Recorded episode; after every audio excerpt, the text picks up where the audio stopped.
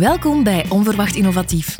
Om de spits af te bijten spreken we met niemand minder dan secretaris-generaal Philippe Boulaert om het fundament van deze reeks te leggen. Want wat is innovatie precies? Een boeiend gesprek vol tips en baanbrekende voorbeelden. Veel luisterplezier! Voor deze eerste aflevering zitten wij samen met een wel heel speciale gast, meneer Philippe Boulaert, secretaris-generaal van het departement Mobiliteit en Openbare Werken en daarnaast ook voorzitter van de VIT-stuurgroep. En daarom zitten we hier vandaag met jou samen. Welkom, Philippe. Hallo, en zo speciaal ben ik niet hoor. Dat zullen we ontdekken tijdens het gesprek, ja, is goed. mogelijk. Um, vertel eens, jij bent voorzitter van de VIT-stuurgroep. Wat is die stuurgroep precies? Is een stuurgroep waarbij we uh, als een vrijwillig initiatief van leidende ambtenaren proberen innovatie van onderuit in de Vlaamse overheid naar boven te krijgen. En zo mooie dingen te realiseren. Oké, okay, super. En hoe is die ontstaan? Vanuit welk idee of wat hebben jullie meegemaakt dat jullie zeiden, nu moeten we daar een stuurgroep voor ha, oprichten? In 2015 zijn we met een delegatie van leidend ambtenaren een week lang, zelfs een tiental dagen denk ik, naar uh, Silicon Valley getrokken. Wij hebben daar heel wat innovatie gezien en vooral hoe mensen een instelling hebben ten aanzien van innovatie, waarbij je vanuit de kleinste dingen innovatie naar boven kan halen. En de kleinste dingen betekent dat je niet alleen naar, naar jezelf en naar het management en de grote strategieën moet kijken, maar vooral op zoek moet gaan naar de ideeën die bij uw werknemers leven, die bij de mensen op het terrein leven. En dan hebben we gedacht van daar moeten we iets rond doen. En dan zijn we met die stuurgroep gestart om die ideeën bij onze mensen een kans te geven. Om hen de kans te geven met die ideeën aan de slag te gaan. Super. En kan je een voorbeeld geven van iets wat jullie in Silicon Valley hebben gezien waarvan je zegt van dat heeft me echt geïnspireerd of dat heeft ideeën opgebracht? Niet zozeer een bedrijf op zich, maar, maar wel de, de attitude, de, de instelling ten aanzien van innovatie. Van we proberen, we smijten er geld tegenaan en we zien wel wat het wordt als het niks wordt, we hebben toch tenminste geprobeerd en we hebben geleerd uit onze fouten. En dat is een instelling die, die heel erg on-Europees is. Wij gaan eerst plannen, wij gaan eerst budgetten zoeken en we willen wel heel zeker zijn dat dat budget goed gaat besteed worden en dat we daar een resultaat mee gaan halen vooraleer we een budget toekennen.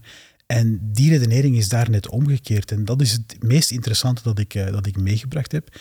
Het tweede dat ik daar ook geleerd heb, is dat je heel vaak ziet dat heel kleine organisaties slagkrachtiger kunnen zijn dan, dan die grote organisaties. Die moeten werken met regels en procedures, wat heel eigen is. En dat is ook wat we, wat we met deze werking proberen binnen de Vlaamse overheid. Vlaamse overheid, een overheid, is gekend voor haar regels en procedures. En met deze stuurgroep, met dit initiatief, willen we onze mensen de kans geven om net daar een stukje uit te breken. Mm Je zegt, jullie zijn eigenlijk teruggekomen met een andere manier van denken in jullie koffer, of een nieuwe manier van naar dingen kijken.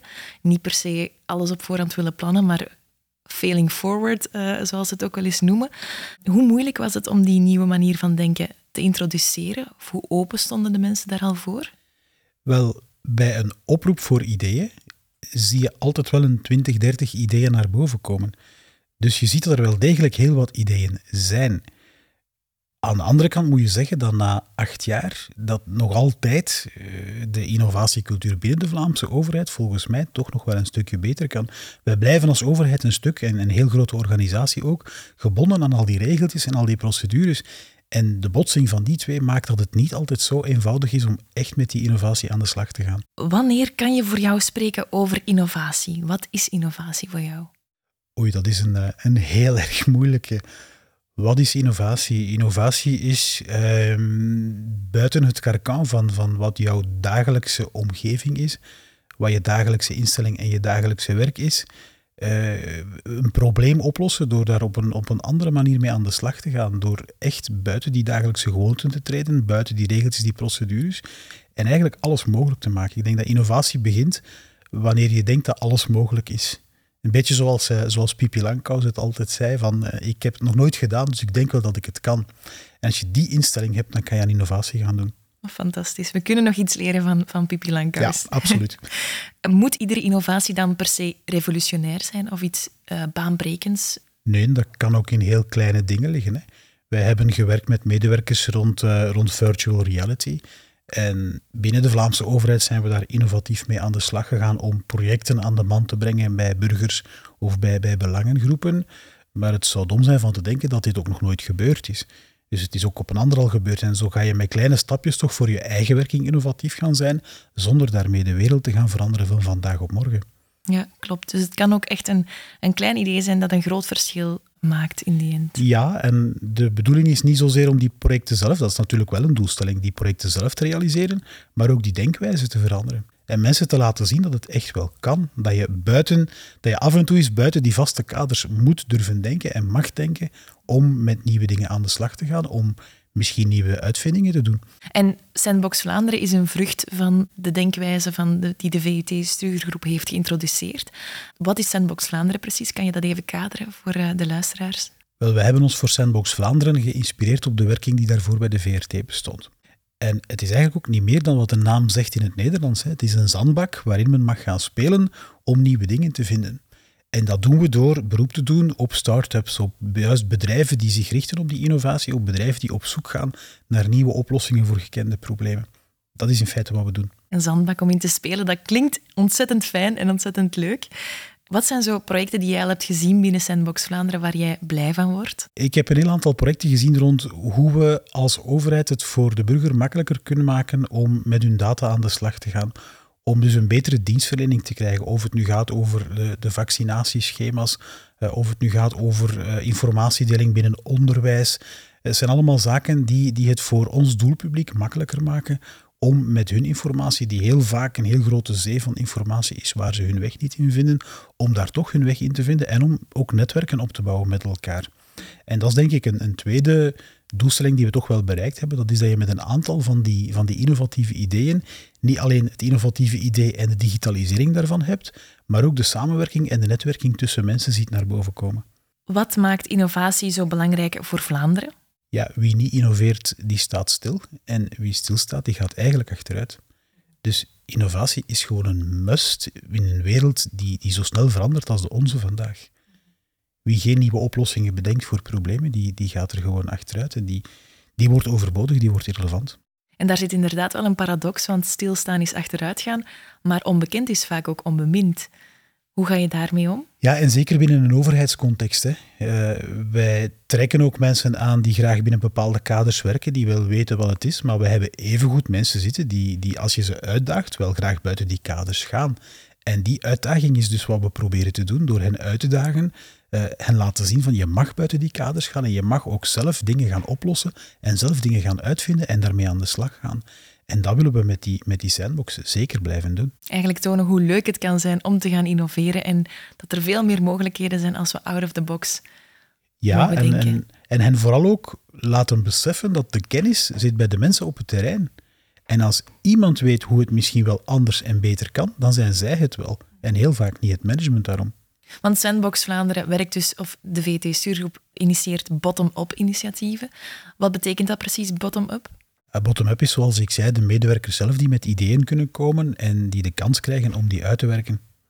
Sandbox zelf is iets meer van, van bovenuit ook. Hè. Dan ga je gaan overleggen met de leidende ambtenaar van zullen we dat idee een keer gaan omzetten of, of voorleggen aan een start-up en gaan we daarmee aan de slag. Uh, maar die ideeën van onderuit die komen dan ook aan, aan, aan bod binnen, binnen de werking van, uh, van de hele VT-stuurgroep.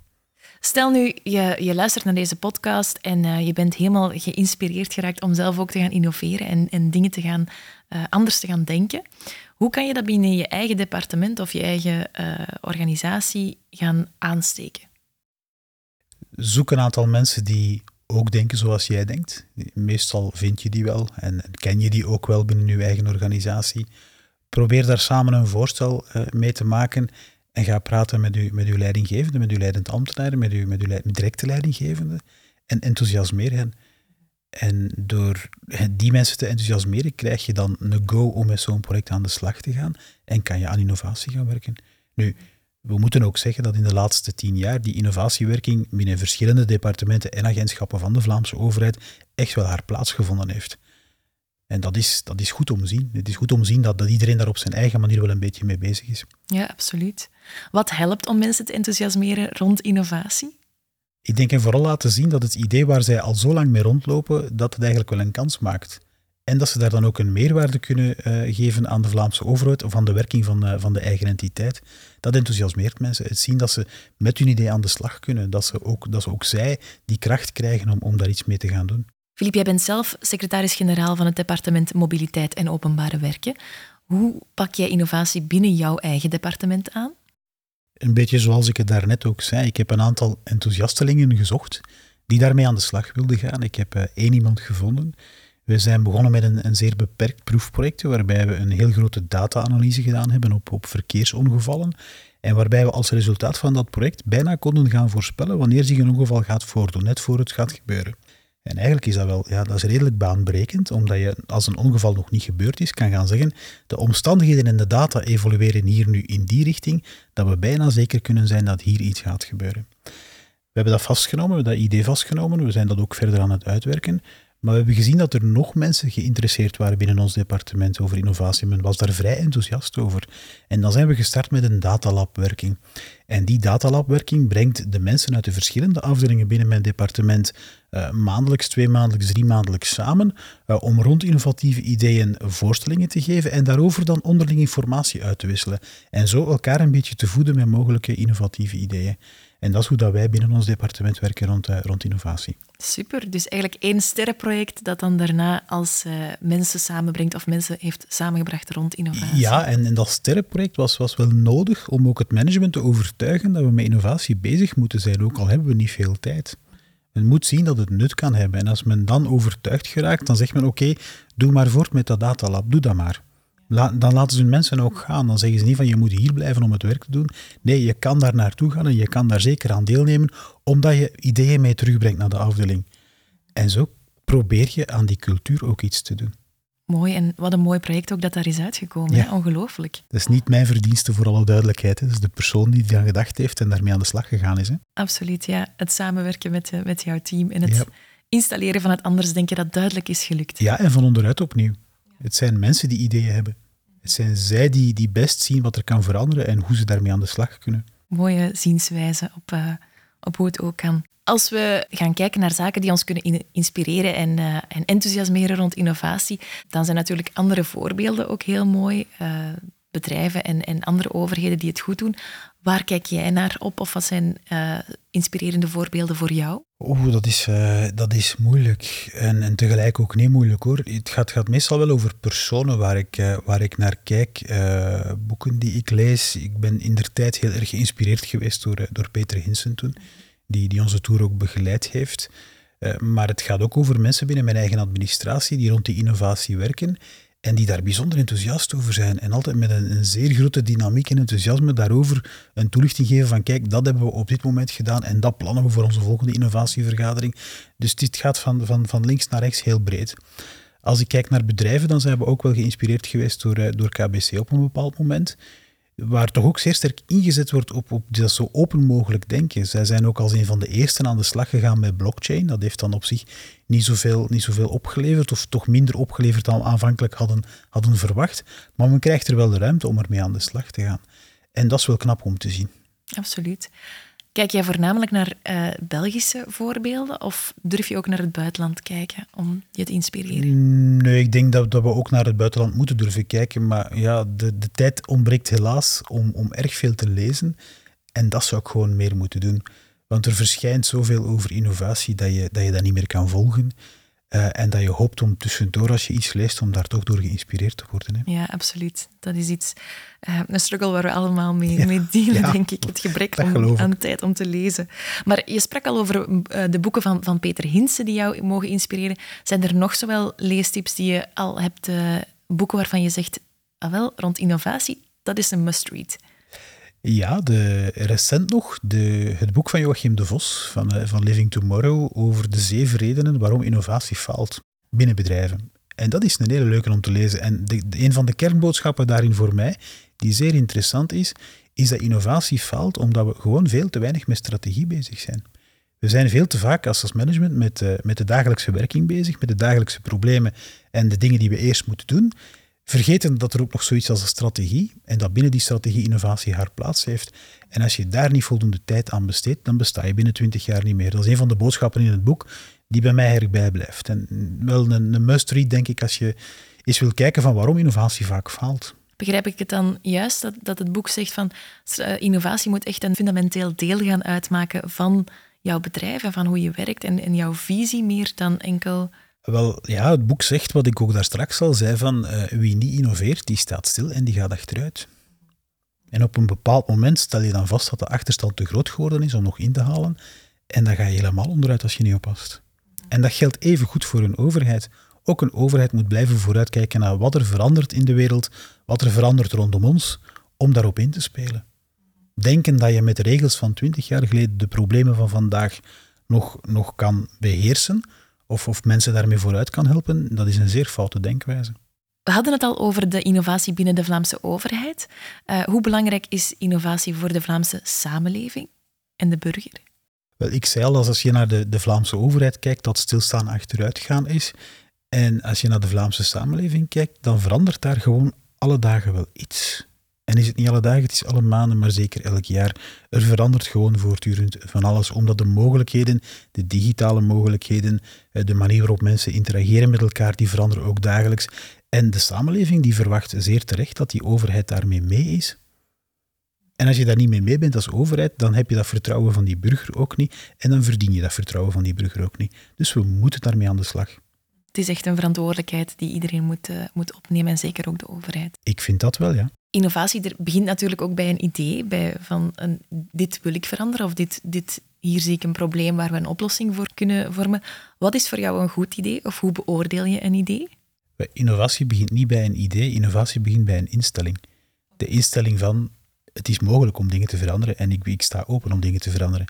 En vervolgens kan je op een idee stuiten. En, en wat is een goed idee? Een goed idee is een idee waarbij je denkt buiten de, de alledaagse kaders, uh, waarbij je probeert om zo eenvoudig mogelijk een oplossing te formuleren. En dan gaat zoeken naar hoe, hoe kan ik dat nu ook echt gaan uitvoeren. Simpele ideeën zijn vaak de beste. Oké, dat is bemoedigend, denk ik dan. En denken buiten de alledaagse kaders, dat is niet zo heel simpel, want er zijn heel veel um, biases en, en denkwijzen die wij van, vanuit nature hebben, waar we ons niet altijd zo bewust van zijn. Wat is een tip die je daarover kan meegeven om out of the box of buiten die alledaagse kaders te gaan denken? Ik denk dat heel veel mensen in hun dagelijkse werking zeggen: verdorie, dit zou toch beter kunnen, of ik zou dat toch beter zo doen. Als je dat denkt, dan heb je al een idee. Dus daar heel alert voor zijn van ja, wanneer... Uh... Ja, en, en daar ook durven op inzetten. Niet denken van, het is al twintig jaar zo, dus het zal wel altijd zo zijn. Nee, als je dat doet, dan, dan is het jammer genoeg niet juist aan het denken.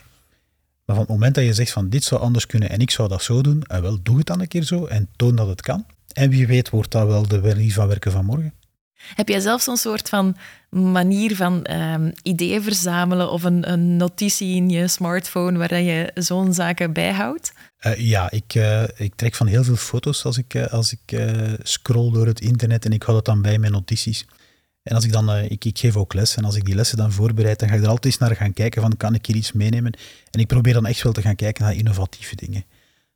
ik ik scrollde door Twitter nog niet zo lang geleden, intussen ben ik daarmee gestopt. Maar ik, ik, zoek wel heel veel online bronnen op, om, om zeker in mijn vakgebied rond mobiliteit te kijken naar de evoluties die er zijn. En daar dan zowel proberen mijn eigen mensen te inspireren als, als mijzelf. Een van de zaken die we wel, waar we wel mee te kampen hebben op dit moment is dat we, ja, we zijn, de, werkdruk is vrij hoog. En dan maakt dat mensen al eens durven innovatie uit het oog te verliezen. Of denken van, ja, dat gaat tijd kosten, dus ik heb er echt geen tijd voor, nu niet. En dat is wel een uitdaging die we hebben om men te tonen van ja, maar jongens, je kan er wel mee bezig blijven of we moeten er wel mee bezig blijven, eh, om, omdat het ons kan helpen om met die tijd om te gaan. Maar dat is niet zo makkelijk. Nee, dat snap ik, want het, is, het vergt lange termijn denken in plaats van korte termijn. Juist, en dat is ook een van de zaken die, die in het boek van Joachim de Vos naar boven komen. Hè. Jij, zoals je net zei, je geeft ook les aan de UGent. Um, merk je ook een grote innovatiedrang bij de volgende generatie? Soms wel en soms niet. Het is, het is zoals in een administratie of in een bedrijf. Er zijn mensen die dat graag doen en die daarvoor openstaan. Er zijn mensen die daar minder voor openstaan. En ik merk dat ook bij studenten. Oké. Ik, je zou denken van die studenten zijn mee met de nieuwste mobiliteitsvormen. Dat is zeker niet altijd het geval. Maar aan de andere kant zijn er die altijd wel mee zijn en die al ver vooruit denken. En dan moet je proberen aan degenen die, die minder mee zijn te tonen wat er allemaal kan. En aan de anderen te zeggen van jongens, doe maar, ga vooruit. En, en zeker wat het motto van de UGent is ook, durf denken. Hè. Mhm. Durf denken. Mhm. Een mooi motto dat past binnen innovatie. Absoluut. Denken in het algemeen. Ja, absoluut. Super. Filip, enorm bedankt voor dit boeiende gesprek. En uh, ik wens je nog veel succesvolle projecten toe binnen jouw departement. Oké, okay, dankjewel. Dit was Onverwacht Innovatief. Bedankt om te luisteren. Heeft deze aflevering je geprikkeld of ben je zelf geïnspireerd om te innoveren? Beluister dan zeker onze andere afleveringen. Je vindt ze op sandboxvlaanderen.be of via jouw favoriete podcast-app. Tot hoors!